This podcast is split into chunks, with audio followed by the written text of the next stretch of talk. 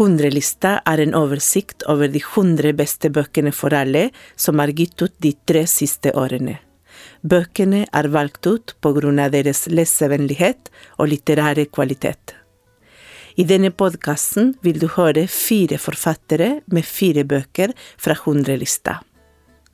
Debutant Mari Andreassen leser fra den Brageprisnominerte novellsamlingen Hvor lenge varer vi? Åse Ombusvedt leser fra den kritikerroste diktsamlingen Når er jeg gammel nok til å skyte faren min? Deretter leser Anders Tutland fra Vintertoner, en litterær perle.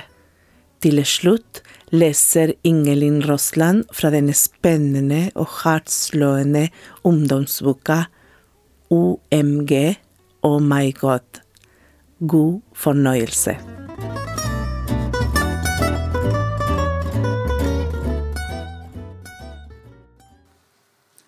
Kjenner hun igjen med en gang. Hun henger av seg ei kåpe på stumtjeneren, bærer to poser fra Sara bort til stolen, setter seg til rette. Løsner klypa så den tynne hestehalen tvinnes ut. Jeg svinger kappa rundt overkroppen hennes og fester den i halsen, vipper håret ut av halsåpninga, fingrene mine fomler. Hun er fin. Hun ser ikke ut som hun er 35. Huden skinner av foundation, og øyenbrynene rett markert. Jeg grer håret hennes med fingrene og later som jeg vurderer det. Ja, hva har du tenkt å gjøre i dag? Stemmen min er hes. Tenkte bare å stusse luggen, men ta en god centimeter av lengden når jeg først er her. Hun har beholdt dialekta. Jeg kjenner svettelukta mi. Jeg skal bare hente rett saks, sier jeg og peker mot bakrommet. Du har ikke noen blader? Hun ser seg rundt.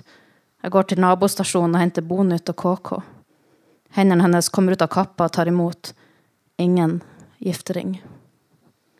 Takk, sier hun og smiler med de hvite tennene jeg har sett på profilbildet hennes. Jeg lukker døra til pauserommet bak meg, skyller ned to Paracet med Pepsi. Hadde akkurat åpna meg en boks da hun Frøydis stakk hodet inn på pauserommet og sa at jeg måtte ta en drop-in. Jeg hadde satt brusen i kjøleskapet og tenkt at den kom til å være tam innen jeg var ferdig med kunden. Jeg tømmer hele boksen, blir urolig i magen, svelger, prøver å tvinge frem en rap. Finn deodoranten i veska og gnikker meg under armen til det føles som skal, til det skal renne. Går til speilet og drar av litt maskara som har klumpa seg i en øyevipp. Handa mi skjelver. Jeg blir nødt til å se meg sjøl inn i øynene og si lavt Hun er ikke her for å drepe deg.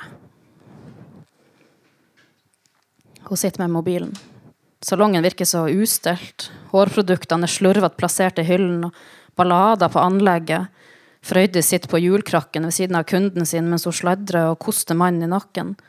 Hårstrå har samla seg inn i hjulene på krakken så de knapt fungerer. Hummer skyver den rundt en trillepodden. Jeg går bort til stasjonen min. Sånn, sier jeg. Hun gir meg et kort smil før hun vender blikket ned i mobilen igjen.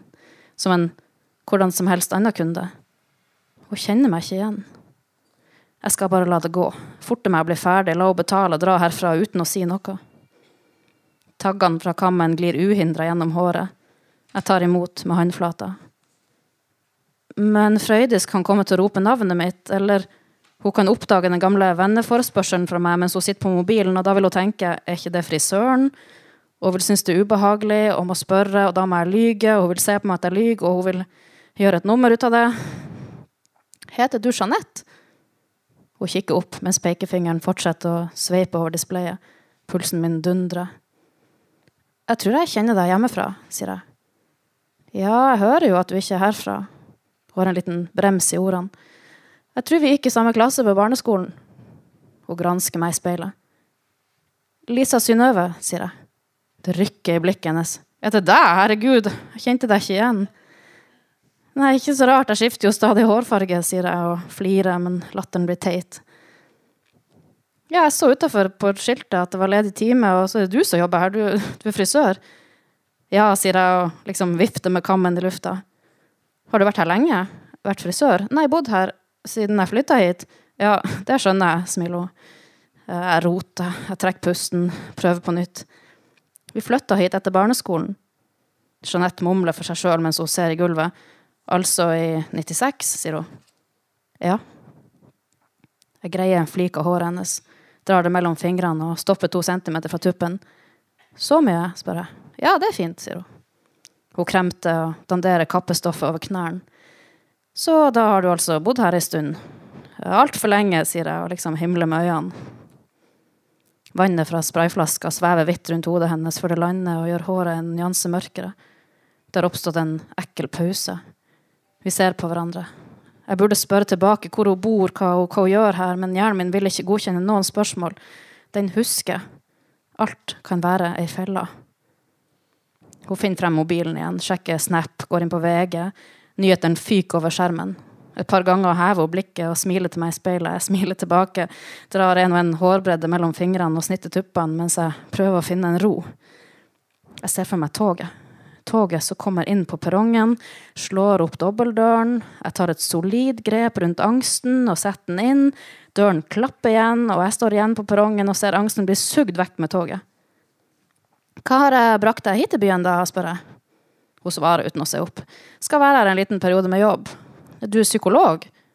Det bare ramler ut av meg. Hun møter blikket mitt. Ja, sier hun rolig.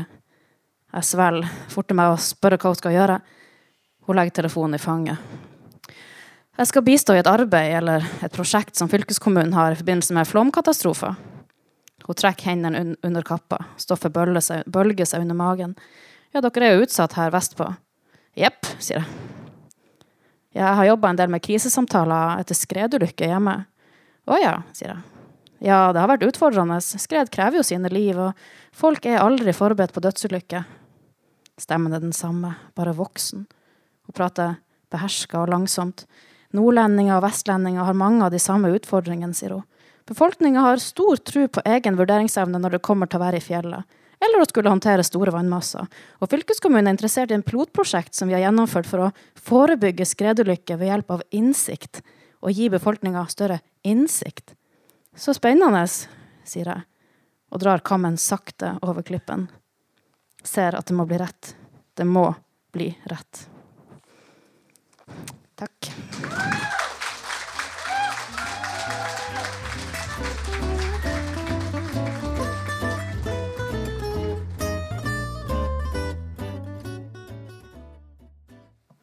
Jeg har lurt på det med faren min, om han vet det sjøl, at han er en jævel. En gang sa jeg det til ham. Du er en jævel, sa jeg. I dag var vi på butikken. Jeg sto helt stille ved frysedisken. Se meg inn i øya, sa faren min. Hør på meg se meg inn i øya. Han stirra først, og så måtte jeg stirre ham inn i øya. Han tror jeg får respekt for ham på den måten. For hver gang han ber meg se ham inn i øya, vokser jævelen i meg. Jeg tror jævelen vokser i ham også, jeg rekker ham til brystet. Derfor sitter jævelen i brystet. Før, da jeg rakk ham til magen, satt jævelen i magen. Jeg rekker ham til jævelen.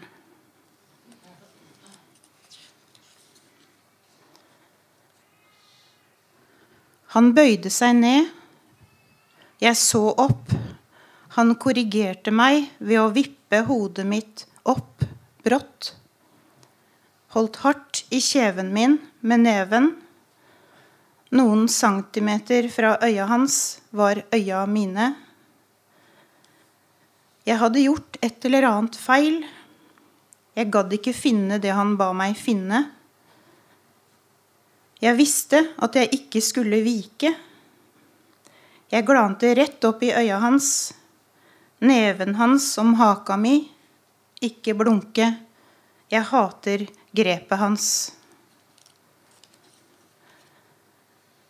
Når det kan skje i en butikk, hva kan skje hjemme da?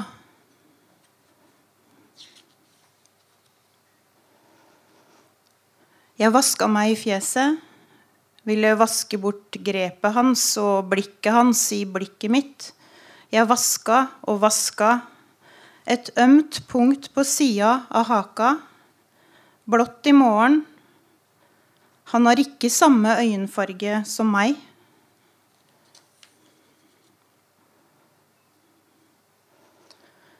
Når jeg stirrer sånn, kjenner jeg det nappe i den ene munnvika. Fliret mitt, som ingen liker. Jeg kan ikke noe for det.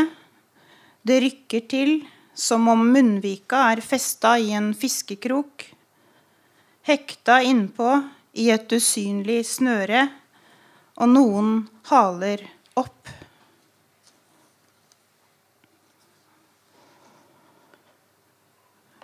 Det er som å stå i mål og holde ballen unna. Et skritt på avstand. Ikke slippe noe innafor. Ikke se bak gardina. Ikke inn i nettet som vikler seg.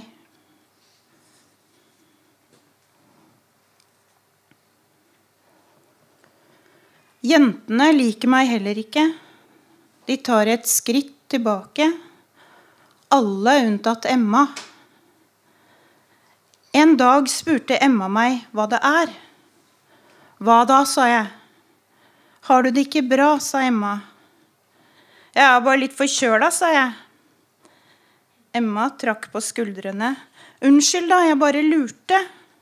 Er det noen som mobber deg eller noe? Er det ikke greit hjemme, eller hva er det? Hvorfor faen sier du ikke noe? Jeg ser jo at det er noe. Gå til helsesøster, da vel. Eller til sosiallæreren. Eller snakk ordentlig med kontaktlæreren vår. Foreldrene dine, da? Snakker du med dem? Hun må ha sett det i blikket mitt. Ikke trekk foreldrene mine inn i dette her. Emma subbet med seg resten av matpakka si og gikk. Snudde seg. 'Snakk med noen', gjentok hun og slengte på håret. Emma, Emma, tenkte jeg.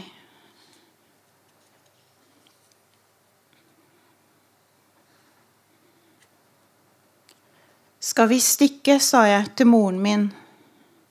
Hun blei hvit i fjeset og slapp det hun hadde i hendene. Etterpå sto hun i speilet og tok på seg leppestift. Hun øvde på å smile. Så dro hun på jobben.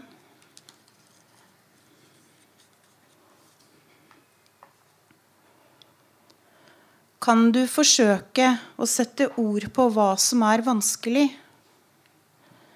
Sette ord på. Sette ord på. Sette ord på. Sette fyr på, tenker jeg heller. For jeg vet ikke hva jeg kan si.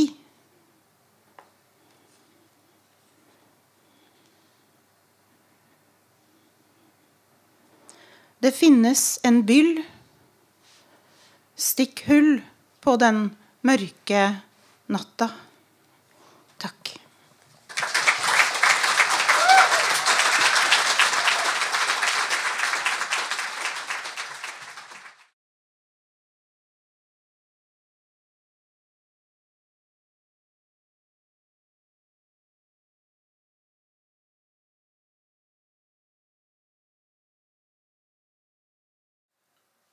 Stilla ligger tung i tunet.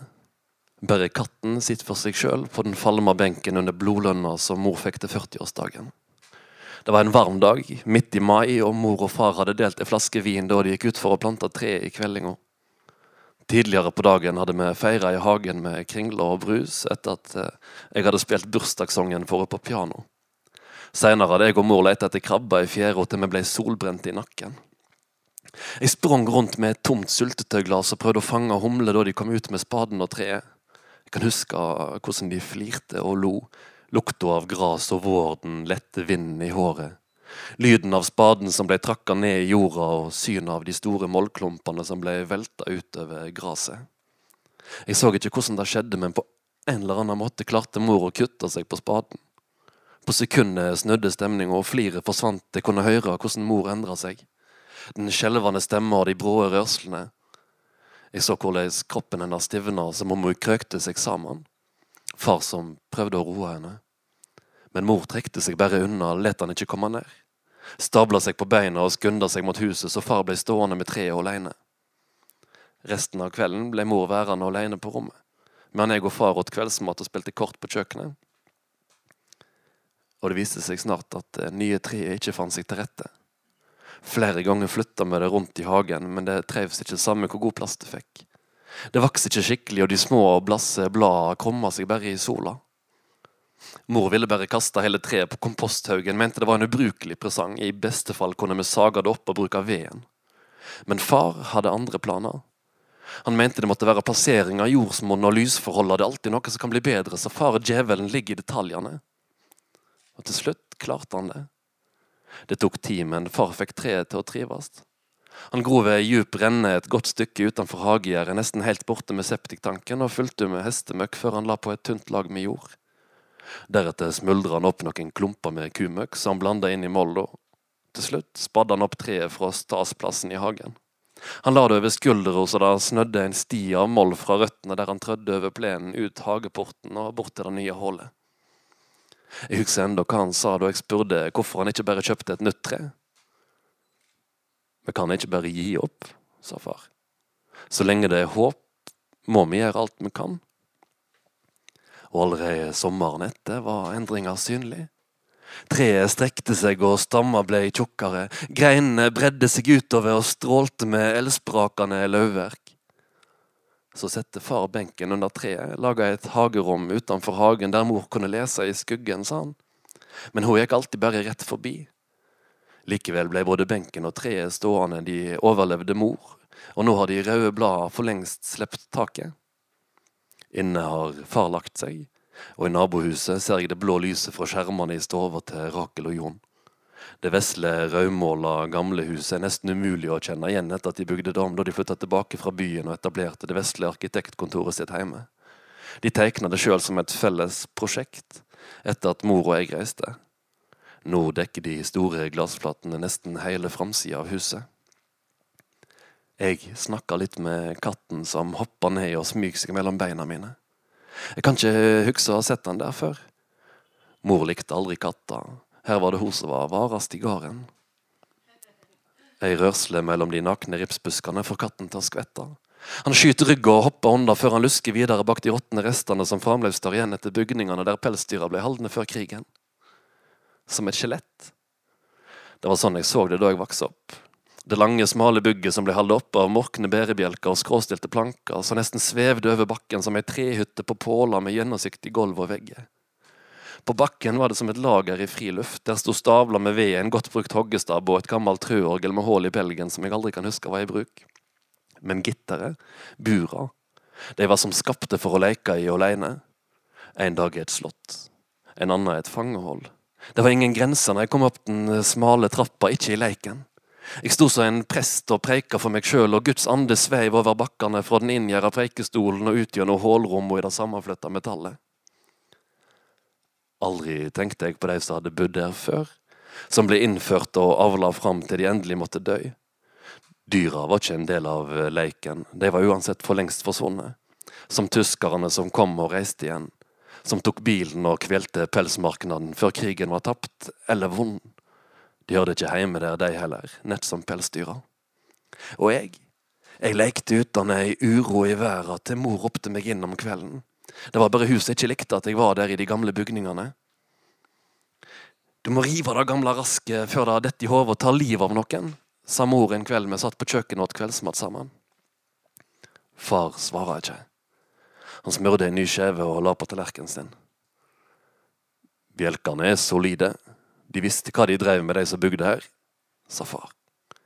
Men mor ga seg ikke. Men for faen, da ser du ikke hva som skjer her? Jeg hørte hvordan stemma hennes endra seg, så reaksjonen i ansiktet til far, de røde prikkene i panna til mor. Han leker i et bur, sa mor. Er det sånn du vil at sønnen din skal vokse opp? Blikket mitt stivna mot bordplata. Jeg tror du skal få hvile litt, sa far. Han tok henne i armen og førte henne med seg mot døra ut i gangen. Mor protesterte, men far slepte ikke taket. Jeg så hvordan han klemte til. Det går bra, dette, sa far da han kom tilbake. Mor er bare litt sliten. Tusen takk.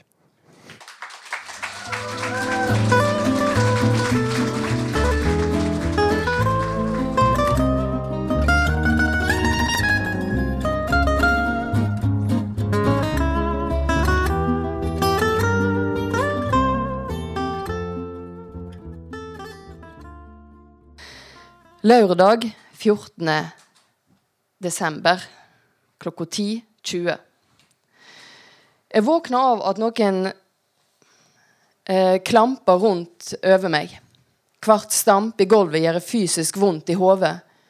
Hva er det mamma holder på med? Snakker hun i telefonen? Stemma er høy og skingrende, og orda drypper ned gjennom taket til meg. Jeg orker ikke mer, sier mamma. Men mor! Hører gjennom gulvet. Så mamma snakker med mormor. Det er uventa. Vi har ikke hatt så mye kontakt siden morfar døde. Jeg hører mamma sine steg ned trappa til kjelleren. Fort drar jeg dyna opp til haka og lukker øynene som om jeg sover. Døra til rommet mitt går opp. 'Maria!' sier mamma. Jeg svarer ikke. En god natts søvn har altså ikke klart å roe ned. Det var ikke populært at, hjem, at hun måtte hjem fra julebordet. Og enda mindre populært at jeg kom hjem i politibil. Du glemte å banke på, sier jeg. Jeg har snakka med mormor, sier mamma. Jeg svarer ikke, bare fisker til meg mobilen og blar gjennom bildet fra festen i går. Elliot han tok skikkelig masse bilder. Du skal være hos henne til over nyttår. Jeg kjenner det røsker i brystet. Så ser jeg på mamma, stirrende rett inn i øynene for å psyke henne ut. Du bløffer. Mamma rister sakte på hodet. Jeg flytter blikket til mobilen. Skjermen blir uklar. Jeg kniper sammen øynene for å fokusere. Hva faen er dette? Jeg har sagt at jeg aldri vil reise der igjen. Jeg ser ikke opp fra mobilen, selv om skjermen har gått i svart. Noen uker hos mormor tar ikke livet av deg, sier mamma. Ikke faen! Mens morfar levde, så var det ok, men mormor hun er ei skikkelig kjerring, det har du sjøl sagt. Det er hun ikke. Og det har jeg ikke sagt, sier mamma. Hun drar inn pusten djupt. Jeg tar deg ut av skolen ei uke, og så kommer jeg for å feire jul sammen med dere. Du får klare deg uten mobilen ei stund. Særlig er jeg fingeren.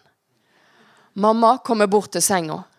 Hun knyter armene hardt over brystet, kanskje for å holde seg sjøl samla, kanskje for å ikke sprenges utover hele rommet. Jeg trenger en pause, Maria. Jeg klarer ikke å håndtere deg. Stemma hennes er lav, men det er ei truende dirring. Jeg skjønner at hun konsentrerer seg for å ikke skrike. Skjerp deg sier jeg, og blar videre gjennom bildet fra festen. Mamma napper til seg mobilen. Jeg griper etter den, men mamma er raskere. Faen, hva er det du gjør? Er du ikke klok, sier jeg, og knytter nevene. Hun heller hendene framfor seg som et vern. Du slår ikke, sier hun. Du slår ikke mor di! Visst faen kan jeg da, sier jeg. Jeg er helt svart inni meg. Visst faen kan jeg slå henne. Slår du nå, slår du nå, så får jeg noen til å komme og hente deg hente meg? Hva faen mener hun med det? Jeg frykter svaret, vil ikke spørre. Så gi meg den jævla telefonen, sier jeg. Mamma er helt hvit i trynet. Da heller mobilen framfor, fram mot meg. Jeg kan se at hendene hennes skjelver. Er hun redd meg? Er du redd meg? Ta mobilen, sier hun. Stemmen hennes knekker. Hånda hennes er kraftløs da hun slipper mobilen ned på skrivepulten. Hun rygger ut av rommet. Vi kjører til mormor etter frokost, sier hun. Dette er den siste sjanse. Mamma sukker før hun lukker døra. Stegene hennes går tungt i trappa opp fra kjelleren. Hendene mine er fremdeles knyttet, kroppen er spent. Jeg åpner hendene og spriker med fingrene. Det prikker i fingertuppene. Mamma vil ha en pause fra meg. Jeg ser på hendene mine. De begynner å riste. Vi har krangla før. Det siste året har vi kanskje ropt mer enn vi har prata. Men alle skriker vel og krangler med mødrene sine. Foreldre kan jo ikke bare kvitte seg med ungene sine. Fra jeg var liten, så har mamma alltid snakka om hvor ønsket jeg var. Hvordan hun trassa alt og alle for å få meg. At jeg er hennes, bare hennes. Far min var jo bare en som ga fra seg en kopp med sæd på en klinikk. Jeg er hennes unike prosjekt, lagd i Danmark. Jeg syns det var så flott da hun sa det mens jeg var liten. Hun hadde plukka det opp fra en fransk sang som hun sang for meg hver gang før jeg skulle sove. Tu ser mon unik prosjekt. Du er mitt unike prosjekt. Jeg ble vogga inn i søvn av de orda, av den tryggleiken, og nå er jeg bare et mislykka prosjekt. Hvem er det som skal komme og hente meg? Barnevernet? De er absurd. Det går jo ikke an. Aron i klassen bodde noen måneder i fosterhjem, men mor hans var jo splitter pine galen. Hun dansa nede ved gågata i Undiken midt på formiddagen, midt på vinteren. Men mamma er jo ikke nett der. Og Dessuten så, slo, så sniffa Aron lim, og han lukta piss og svette. Det er jo ikke rart at mor hans klikka. Med Aron var det jo logisk, men med meg Hjertet slår dobbeltslag i brystet, jeg blir kvalm. Kan mamma gjøre det? Kan hun kvitte seg med meg hvis det blir for vanskelig? Varselet plinger inn på mobilen. Alle tomler opp, alle hjerter og delinger fra festen betyr ingenting. Jeg slår av mobilen, og det blir helt stilt. Takk for meg.